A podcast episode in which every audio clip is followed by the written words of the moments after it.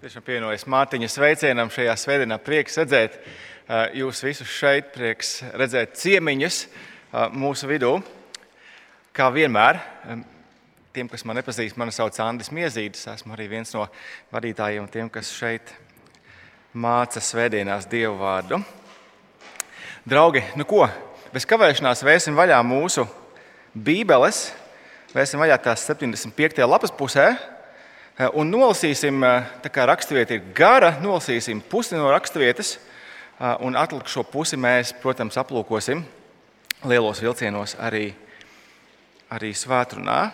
Otrā mūzes grāmata šajā brīdī nolasīsim no 9. nodaļas 1. līdz 9. nodaļas 35. pantam.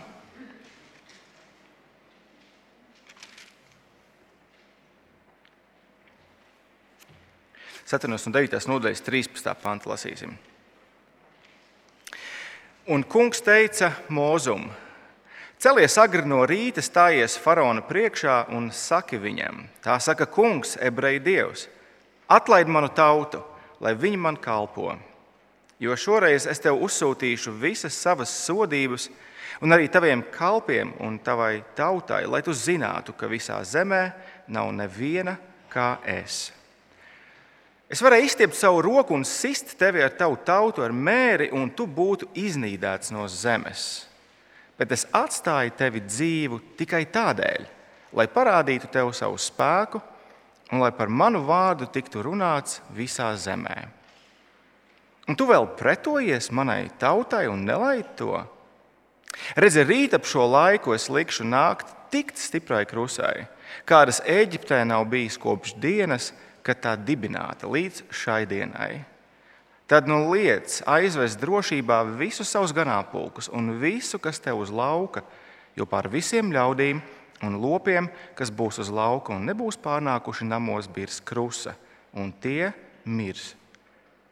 Tie faraona kalpi, kas bijās kunga vārda, ļāva saviem vergiem un ganāmpulkiem skriet mājup.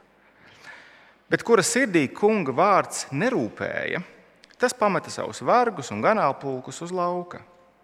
Un kungs teica Mozum: Izstiep savu roku uz debesīm, lai krusta nāk visā Eģiptes zemē, pār cilvēku, pār lopu un ik laukā, eh, lauka zāli Eģiptes zemē. Mozus izstiepa savu spieķi pret debesīm, un kungs deva pērkonu un krusu un zemē nāca uguns, un kungs lika, lai nāk krusa pār Eģiptes zemi. Bija krusa, uguns, jo stipri plaiksnīja krusai pa vidu. Vēl nekad tā nebija bijis Eģiptes zemē, kopš tā tika apdzīvota. Visā Eģiptes zemē krusa nosita visu, kas uz lauka, gan cilvēku, gan lopu. Krusa nosita lauka zāli, eh, nolauza visus kokus uz lauka, tikai Gošenas zemē kur bija Izraēla dēli, krusas nebija. Tad faraons eh, sūtīja saukt Mūzu un Āronu un teica tiem: Šoreiz es esmu grēkojis, kungs ir taisns, bet es, mana tauta, esam ļaundari. Pielūdziet kungu, pietiek dieva pērkona un krusas, tad es jūs atlaidīšu. Jums vairs nebūs te jāpaliek. Un Mūzus viņam teica: Tiklīdz es iziešu no pilsētas, es izstiepšu savus dēlus uz kungu, pērkoni rimsies un krusa mitēsies, lai tu zinātu, ka zeme pieder kungam. Bet tevi un tautas kalpus es pazīstu. Jūs vēl nebīstaties kunga dievu, kunga vaiga. Lina un mieži tika ap, apsie, apsisti, jo mieži vārpoja un lina ziedēja, bet kvieši un plēkšņi kvieši netika apsisti, jo tie ir vēlīni. Mozus devās projām no faraona, izgāja no pilsētas, izstiepa savas dēlnes uz kungu, tad mitējās pērkoni un krusa, un lietus vairs nebija pār zemi. Un faraons redzēja, ka mitējās lietus, krusa un pērkoni, un viņš turpināja grēkot un nocietināja sirdi. Gan viņš, gan viņa kalpi. Faraona sirds palika cieta un viņš neatlaida Izraēla dēlus, kā kungs caur mūzu bija teicis. Pirms mēs pārdomājam šo lasīto un to, kas vēl sekos, īsi lūgsim viņu pēc palīdzības.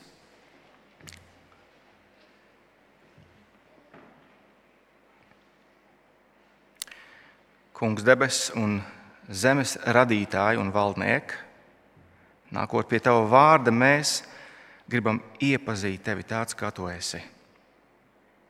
Un palīdzi mums to, pat tad, kad saskaramies ar grūti saprotamām un grūti pieņemamām patiesībām. Amen!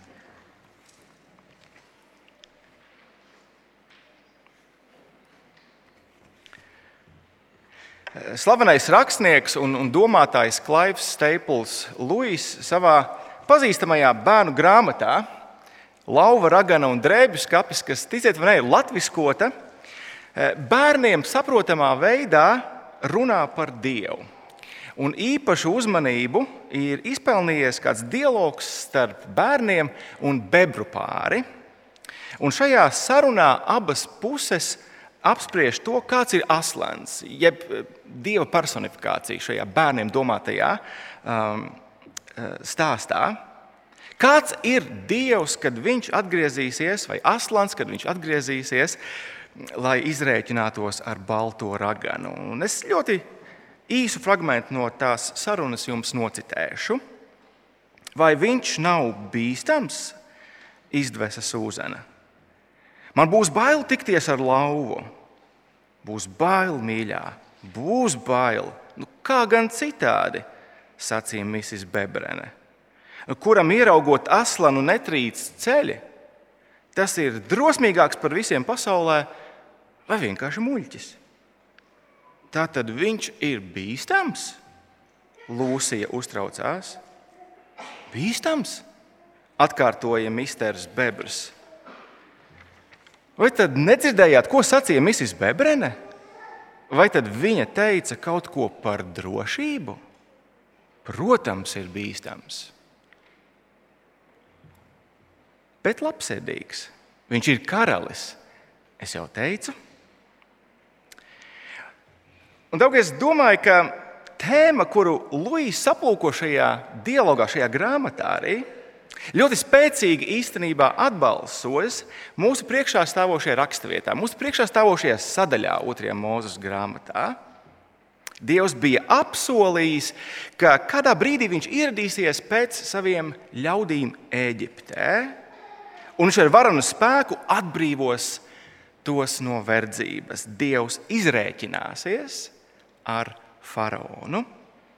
Un caur eģiptes mocībām Dievs tiešām atklājās kā bīstams valdnieks, kura priekšā jābūt uz trīcošiem, ar trīcošiem ceļiem, bet vienlaikus Dievs atklājās kā labsirdīgs, labsirdīgs pret saviem ļaudīm.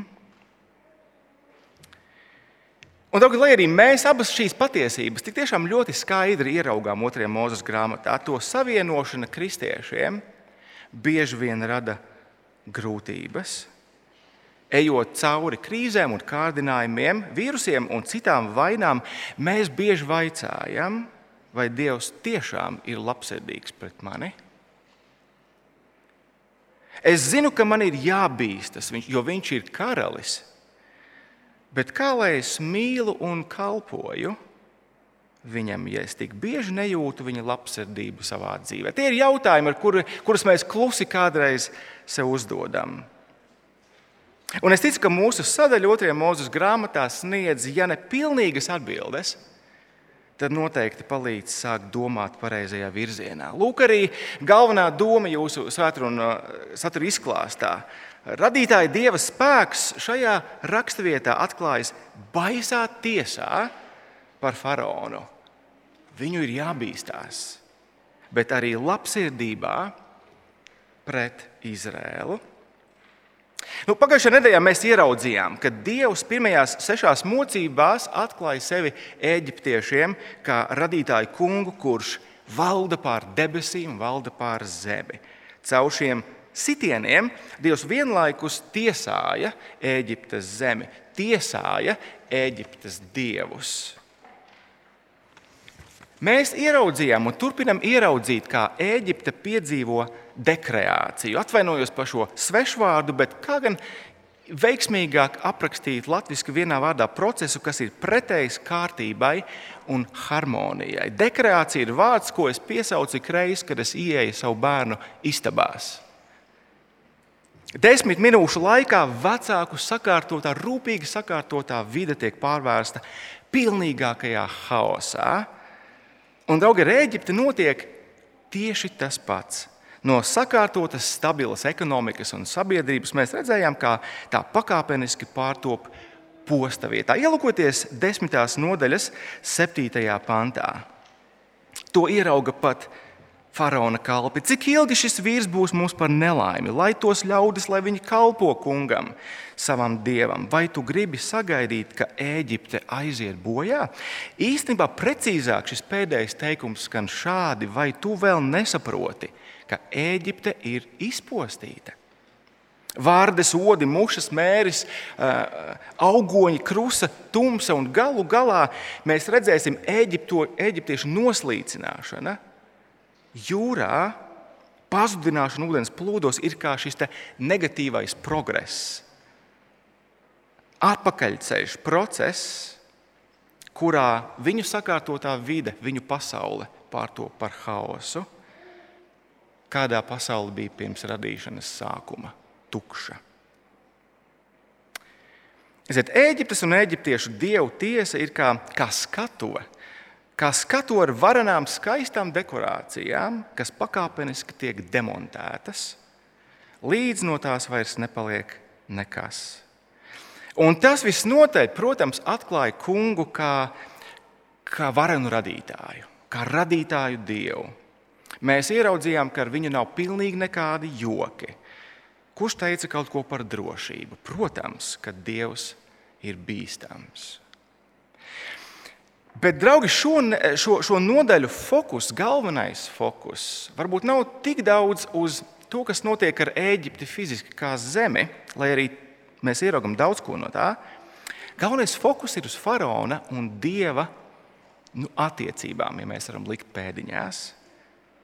Mēs ieraugām, ka dieva radītāja eh, spēks atklājas tieši viņa tiesā pār faraonu. Tā ir pirmā lieta mēs ieraugām, kā faraona sirds nocietinās. Un, draugi, es domāju, ka šajā brīdī, ja mēs lasīsim tālāk šo nodaļu, šo raksturvietu, mums radīsies, ja tā var teikt, diezgan eksistenciāls jautājums. Un es domāju, ir vērts pievērst uzmanību šim zilonim, kas kādu laiku atrodas istabā. Jautājums, par kuru mēs visi domājam kādreiz, bet mēs baidāmies izteikt šo jautājumu skaļi. Vai visa šī iziešanas spēle īstenībā ir taisnīga? Cik taisnīgi ir tiesāt faraonu, kura dzīves jēga un mērķis ir piedzīvot dieva baiso spēku, lai par dievu vārdu tiktu runāts visā zemē, ja? 9, 16. Cik tas ir taisnīgi? Draugi, kāpēc ir svarīgi tikt skaidrībā šo jautājumu?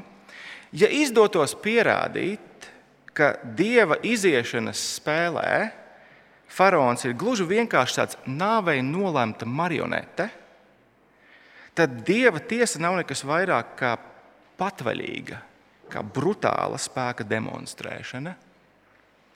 Tad dievs ir tāds pats tirānisks valdnieks kā faraons, tikai entajā, pārākajā pakāpē. Un kāpēc mums, kā kristiešiem, ir svarīgi ieraudzīt, ka Dievs šajā brīdī tiesājot faraonu, rīkojas taisnīgi. Jo, draugi, tas gribot, negribot, ietekmēs mūsu skatījumu uz Dievu. Padomājiet brīdi. Viņš pilnīgi noteikti ir visa radītājs un valdnieks, ar kuru nav nekāda joki. Viņš tiesā, no viņa ir jābaidās. Bet kā lai es mīlu un kalpoju šādam dievam? Kur, kur tieši ir problēma? Problēma ir tajā, ka Dievs jau pašā sākumā mūzum pasaka, ka viņš nocietinās faraona sirdi. Šī dzēlīgā patiesība mūsu ausīs. Ieskatieties atpakaļ 7. nodaļas 3. un 4. pantā. Dievs saka šādi: Es nocietināšu faraona sirdi un darīšu Eģiptes zemē daudz zīmju un brīnumu, bet faraons jūs neklausīs. Tad es pielikšu Eģiptei savu roku, un es izvedīšu savus pulkus, savu tautu, Izraēlu dēlus no Eģiptes zemes ar varanu tiesu. Un jā, jā, jā, lai arī mēs periodiski redzējām, ka pirmajās sešās mocībās faraons pats nocietina savu sirdi, ja? viss mainās pēc sastās mocības. Turpmāk mēs redzam, ka kungs nocietina faraona sirdi. Pasakojiet līdzi dažiem pantiem savā Bībelē, 9.12. piemēram. Bet kungs nocietināja faraona sirdi, un viņš tos neklausīja kā kungs bija teicis Mozum. Vai 10.1. Kungs teica Mozum, ej pie faraona, jo es esmu nocietinājis viņa un viņa kalpu sirdi, lai darītu pie tiem savas zīmes. Vai 10.20. ieskatieties, bet kungs nocietināja faraona sirdi, un viņš neatlaida Izraēla dēlus. Un visbeidzot, 10.27. Bet kungs nocietināja faraona sirdi, un viņš negribēja tos laist. Cik taisnīgi tas ir? Kā Dievs var tiesāt faraonu, ja viņam reāli nebija brīvas gribas paklausīt Dievam, jo Dievs nocietināja viņa sirdi? Šis ir svarīgs jautājums, draugi. Un mūsu šodienas raksturvietā ir atbildes uz šiem jautājumiem. Galu galā mēs ieraudzīsim, ieskatieties 9,27 pašu faraona vārdiem sakot, kungs ir taisns bet es un mana tauta esam ļaundari. Pats faraons to pasaka. Kādā veidā tad mūsu šodienas raksturvieta atbild uz šo jautājumu? Kā Dievs var tiesāt faraonu, ja viņam reāli nebija brīvas gribas paklausīt Dievam? Divi jautājumi ir īpaši svarīgi. Pirmais, ko tieši Dievs izdara, kad viņš nocietina faraona sirdi? Un otrs jautājums ir, vai Dievs nocietinot faraona sirdi tiešām atņem viņam gribas brīvību. Ieraudzīsim, varbūt vispirms, ka Dievs caur septīto mocību pārliecina faraonu, ka Dievs ir kungs. Septītā mocība vairākos aspektos atšķirās no iepriekšējām sešām.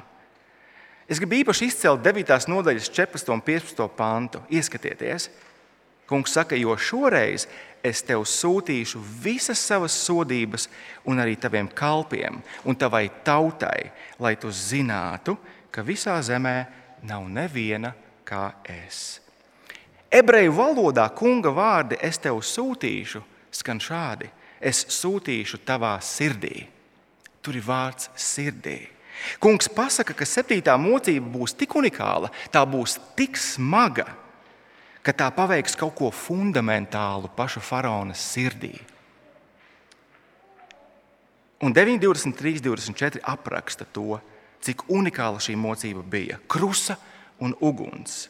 Uguns plaiksnīja krusai pa vidu. Un šī mocība bija tik smaga, ka kungs pat iepriekš brīdināja faraonu un viņa kalpus, kā pasargāt sevi un savus lopus. Vai nav laipni? Ja 9. un 19. pantā. Un rezultāts, rezultāts kad faraons un visa Eģipte bija piedzīvojusi 17. 7. Eh, mocību, ir šāds 9,27 uz priekšu.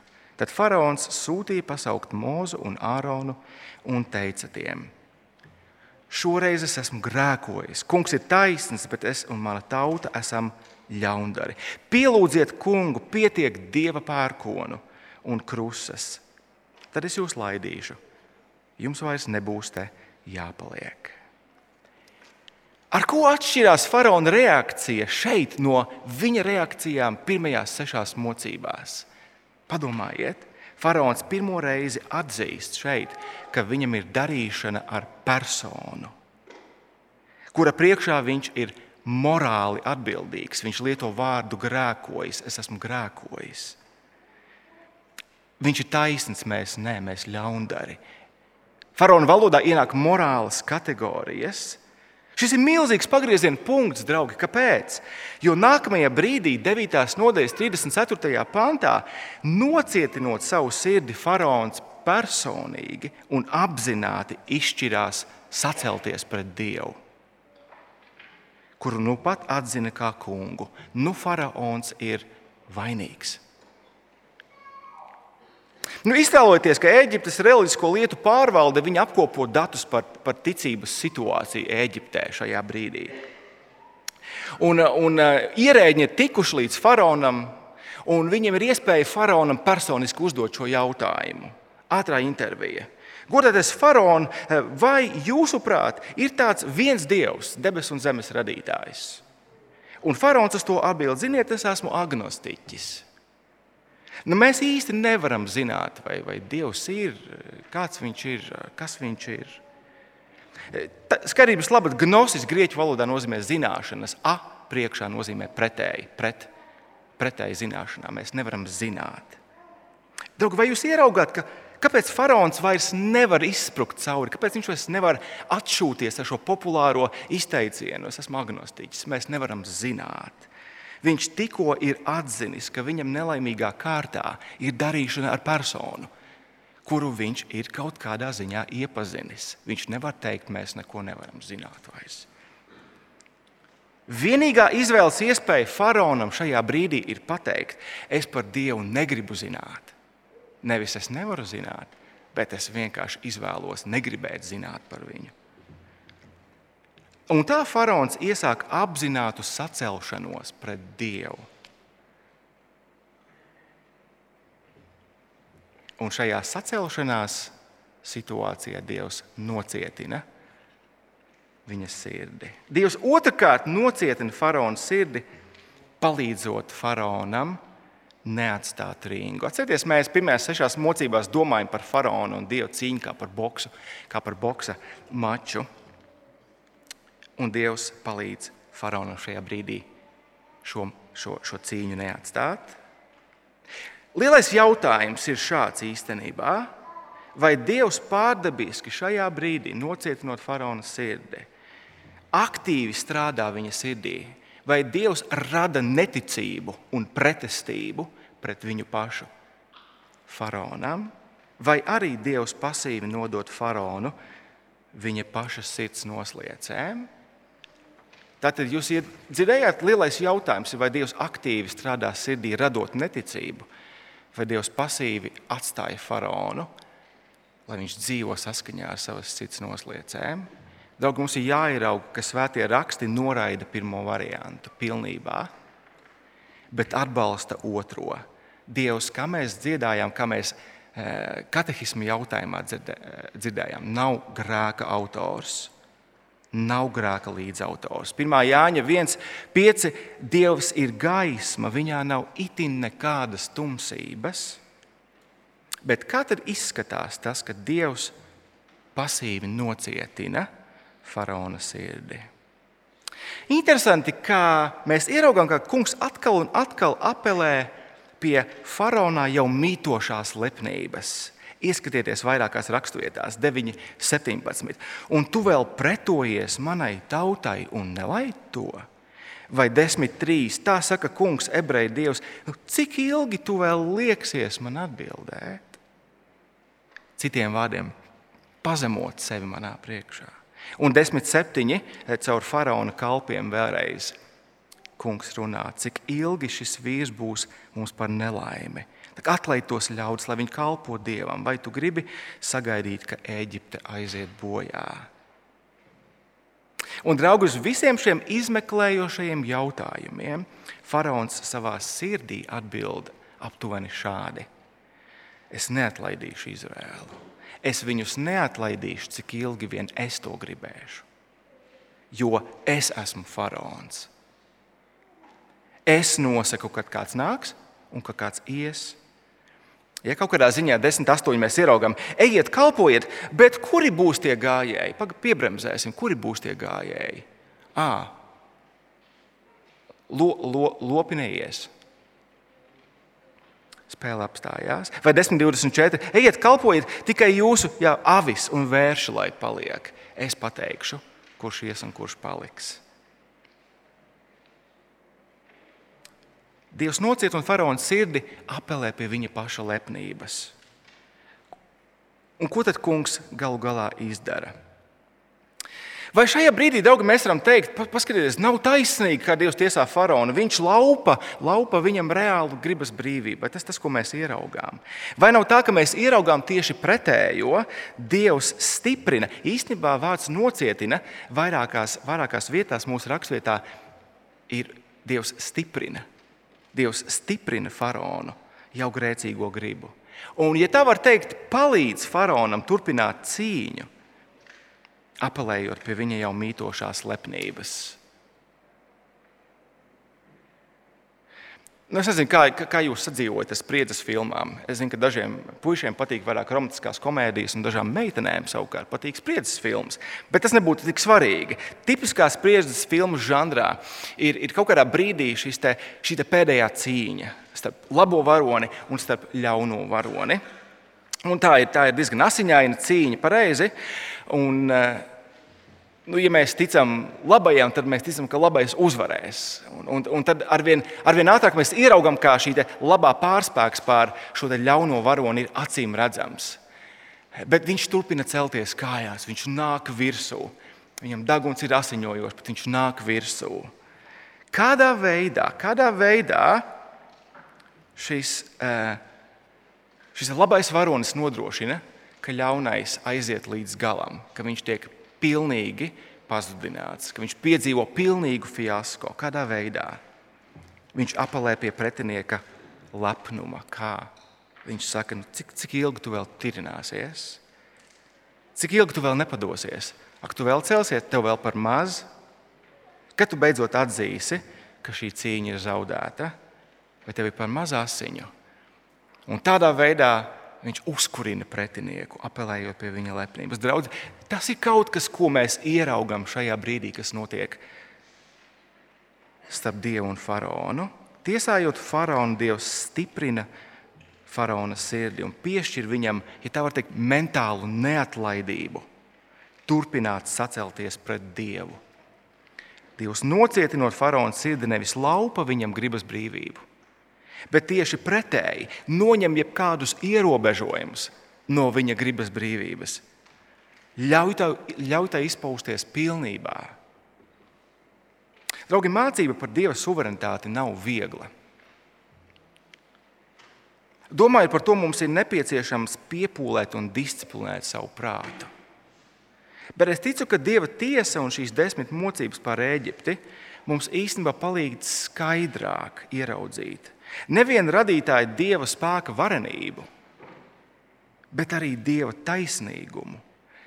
Jo redziet, gan šeit, gan arī pirmajā mūzes grāmatā mēs ieraugām vienu lielu svarīgu tēmu. Dievs īsteno savus nodomus. Par spīti cilvēku izdarītajām grēcīgajām izvēlēm, pat lietojot cilvēku izdarītās grēcīgās izvēles, bet vienlaikus viņš paliek suverēns valdnieks, svēts un taisnīgs it visā, ko dara. Dieva suverenitāte nevien var, bet pastāv līdzās cilvēku atbildībai. Dievs taisnīgi tiesā cilvēkus, nododot viņus pašu grēcīgajām sirds iegribām. Vai, vai tas nav tas, ko mēs ieraudzījām vēstulē romiešiem pirmajā nodaļā, ja? pirmajā nodaļā, 24. pantā? Ieklausieties Pāvila vārdos. Apgalvodam, ka ir gudri, tā kā faraons, tie kļuvuši muļķi un aizvietojuši neiznīcīgā dieva godību ar iznīcīga cilvēka un putnu un četrkājaiņu un rāpuļu līdzīgā, līdzībā darinātu tēlu. Tādēļ Dievs tos ir nodevis viņu sirdžu kārībām, tā ka tie nešķīstībā apkauno savu miesu.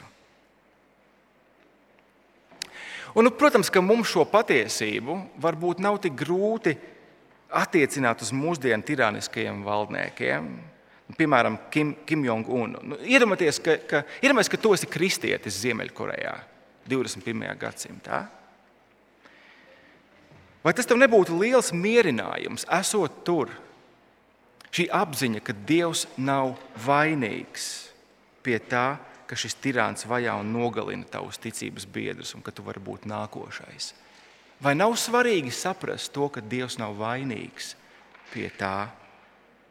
Un tajā pašā laikā ir svarīgi zināt, ka Dievs ir suverēns valdnieks, kurš stiprina Kim Jong-una sirdi, tās lepnībā, tās dumpīgumā pret radītāju, pret viņa ļaudīm. Dievs uztur viņu tiesas dienai, kad viņa grēku mērs būs pilnīgs. Ir tik svarīgi saprast šīs abas patiesības. Bet es, draugi, pieņemu, ka daudz grūtāk mums ir pieņemt šo patiesību, kad runa ir par mūsu dzīvi šeit, tagad, par mūsu tuviniekiem, par mūsu vecākiem, par mūsu vecvecākiem, par mūsu brāļiem, māsām, māsīcām, brālēniem, par mūsu tuviem un mīļiem draugiem, darba kolēģiem, ar kuriem mēs tik daudz laika pavadām kopā. Mums ir ļoti grūti pieņemt šīs patiesības šajā brīdī. Pareizi. Divas lietas. Dievs nav vainīgs pie viņu neticības. Tā ir viņu pašu grēcīgā sacelšanās pret savu radītāju. Bet, draugi, ieraudzīsim, ka tā nav nolemtība. Nav. Mēs neatlaidīgi lūdzam par e, e, Dievu. Mēs lūdzam, lai Dievs mīkstina mūsu tuvo un mīļo sirdis evaņģēlīju vēstī. Pareizi. Lai ierobežo viņas, viņu gribas brīvību rīkoties vienīgi saskaņā ar savas grēcīgās sirds noslēdzēm un prātu. Lai pievērš viņu sirdis Dievam. Ja Dievs to varēja izdarīt ar tādu kā Pāvils, lielākais no grēciniekiem, ja Dievs to varēja izdarīt ar mani, kāds es biju pirms es pazinu Kristu, tad Dievs to var izdarīt arī manu apkārt esošo dzīvē. Mums tam ir jātic. Daudz gan noslēgumā, noslēgumā atsauksim prātā to, kāpēc Dievs sūta visas šīs mocības faraonam un eģiptiešiem. Viņš caur to īsteno savu varano glābšanas operāciju. Viņš grib, lai arī Izraēla bērni zina, kāds viņš ir. Ka Dievs tevišķi rūpējās par Izraēlu. Pat tādā pat laikā, kad viņš bargi tiesā eģiptiešus. Otrajā mūža grāmatas autors daudz un dažādi ir centies pateikt, ka Dievs redz, ka Dievs dzird, ka Dievs zina savu ļaužu situāciju, ka Viņš ir personiski ieradies pie saviem ļaudīm, pēc saviem ļaudīm. Un viņš to dara tāpēc, ka viņš ir uzticīgs. Viņš ir uzticīgs savai derībai ar Ābrahamu, Īzāku un Jāekabu. Un Dievs apraksta savas attiecības ar Izrēlu kā tēva un dēla attiecības. Ja jums ir ātri piekši pašķiriet atpakaļ 4. nodaļas 22. panta un uz priekšu, ieklausieties. Saki faraonam, tā saka kungs, mans pirmdzimtais ir Izrēls. Es tev saku, atlaid manu dēlu, lai viņš man kalpo. Bet, ja tu lieksies viņu laist, redzi, es nokaušu tavu dēlu, tavu pirmdzimto. Un līdz šim mēs esam redzējuši divas diametrāli pretējas atsaukšanās no Izraēlas ļaudīm. Pareizi? Pirmā ir 4,31, un tauta ticēja. Viņi klausījās, jo kungs bija stāvējis klāt Izraēla dēliem. Viņi bija redzēji, viņi bija, viņš bija redzējis viņu spaidus, un tie zemojās, un tie klanījās. Brīnišķīga reakcija. Bet tad ir otra reakcija, 6. 6. nodaļas 9. pantā. Kad faraons neatlaida, eh, nevien neatlaida izrēliešus, bet uzlika viņiem milzīgu verdzības slogu, lūk, ko mēs lasām Un Mozus tā sacīja Izraēla dēliem, kā Dievs bija pavēlējis, bet viņi neklausījās Mozu izmisuma un smagās verdzības dēļ.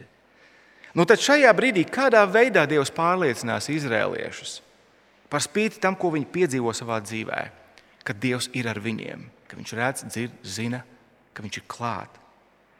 Un Dievs pārliecina viņus pasaudzējot, pasaudzējot Izrēlu cauri eģiptiešu tiesāšanai, redzamā veidā nošķirot savus ļaudis. Jūs pamanījāt, ka visā šajās mocībās, sākot no 4. Mm, laikam, Dievs nošķir savus ļaudis no eģiptiešiem. Ātri ieraudzīsim, 8, 18. Mēs redzam, ka Eģiptes nama piepildījās ar mušām. Visā zemē bija mušas, un tad mēs lasām, Bet tai dienā es nošķiešu Gošenes zemi, kur ir mana tauta, lai tur nebūtu mušu. Lai tu zini, ka es esmu kungs pār visu zemi, es likšu atšķirību starp manu tautu un tavu tautu. Rīt būs šī zīme. Un 9. nodaļā, 4. pantā, kur lopu sārga mēs redzam to pašu, taču kungs nošķirs Izraēlu ganāmpulkus no eģiptiešu ganāmpulkiem. Izraēlu dēlu ganāmpulkos neobeigsies neviens. Un nākamajā dienā kungs tā darīja. Nobeidzās visi eģiptiešu ganāmpulki, bet Izraēla dēlu ganāmpulkos nenobeidzās neviens. 9,26 krusa tikai Gošanas zemē, kur bija Izraēla dēli, krusas nebija. 10.22. Mūzes izstiepa savu roku uz debesīm, un melna tumsa bija visā Eģiptes zemē trīs dienas. Tad viens otru nevarēja redzēt. Trīs dienas neviens nekustējās no vietas. Bet tur, kur dzīvoja Izraēla dēli, bija gaisma. Un, mēs, protams, nezinām šajā brīdī, ko domāja ļaudis. Ko viņi domāja, kad viņi vēroja to, kas notiek Eģiptes zemē, bet nenotiek pie viņiem?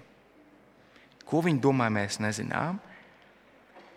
Bet izskatās, ka tagad viņi ir tie, kas redz, viņi ir tie, kas dzird, viņi ir tie, kas zina, ka Dievs ir kungs pār debesīm un zemi.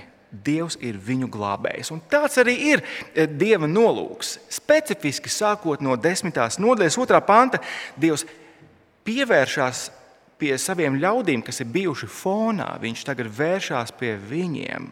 Ieklausieties! Ja. Visas šīs zīmes es pie Eģiptes daru, lai tu varētu stāstīt savam dēlam un dēlu dēlam, ko es esmu darījis Eģiptei, par manām zīmēm, ko es pie tiem esmu darījis. Un tagad, lai jūs, jūs Izraēli, zinātu, ka es esmu kungs. Dieva ļaudīm bija jāierauga, ka Dievs ir ļoti spēcīgs, ka Viņš ir ļoti varants. Viņš varani tiesā tos, kas sacēlas pret viņu, faraonu un Eģipti.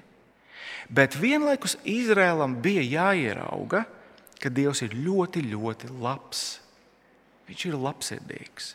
Dievs parāda Izrēlam lielu laipnību, pasaudzējot viņus. Mēs redzam, draugi, kā Dievs tēvišķi rūpējas. Viņš paglāba Izrēlu no tiesas, kas nāca pār Eģipti. Un Dievs vēlāk parūpēsies par viņu vajadzībām tūkstnesī. Dievs spēs nogādāt viņus apsolītajā zemē. No Izraēla ļaudīm tiks sagaidīta vienīgi, vienīgi paļaušanās uz Dieva apsolīto glābšanu.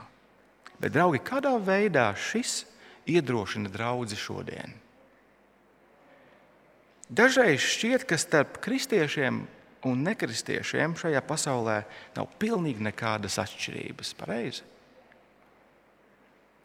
Kristieši cieš dažādus nelaimes gadījumos, kristieši tiek atlaisti no darba, Kristieši piedzīvo visas tās pašas ļaunās lietas, slimo ar ļaundabīgiem audzējiem, traģiski pazaudē bērnus, Tieši tāpat kā visi pārējie zemes iedzīvotāji.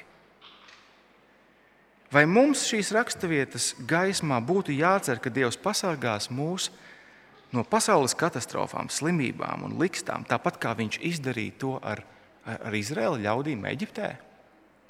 Vai tas ir tas, uz ko mums ir jācer? Draugi, un atbilde ir nē, un ļoti īsi par to, kāpēc nē.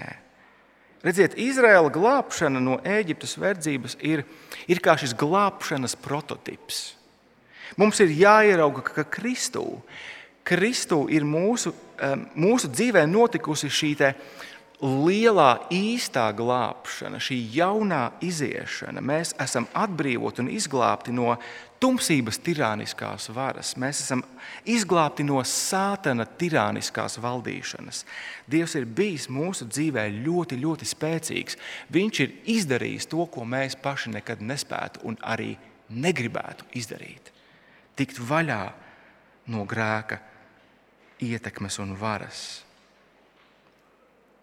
Viņš ir salauzis to mūsu dzīvē, bet Dievs ir ļoti labs.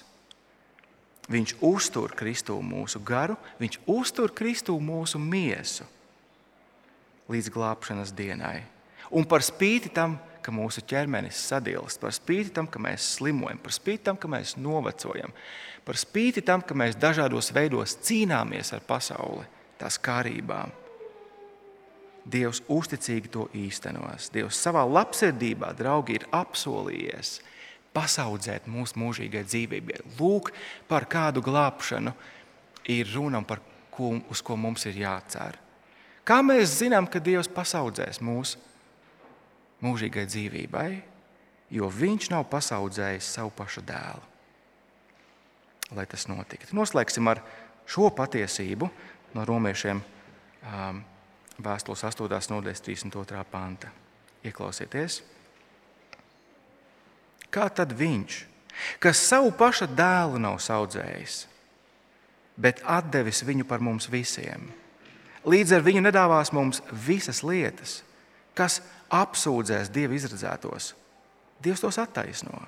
Kas tos pazudinās, ir taču Kristus Jēzus, kas miris, vēl vairāk, kas augšām cēlies, kas ir pie Dieva labās rokas un kas aizstāv arī mūs, kas mūs šķirs no Kristus mīlestības vai bēdas, vai nelaimes, vai vajāšanas, vai bats, vai kailums, vai briesmas, vai zobens? Un atbilde ir, Pāvila atbilde ir nekas. Daugi Dievs savus ļaudis pasargās mūžīgai dzīvībai, nesaudzējot savu dēlu. Lūksim!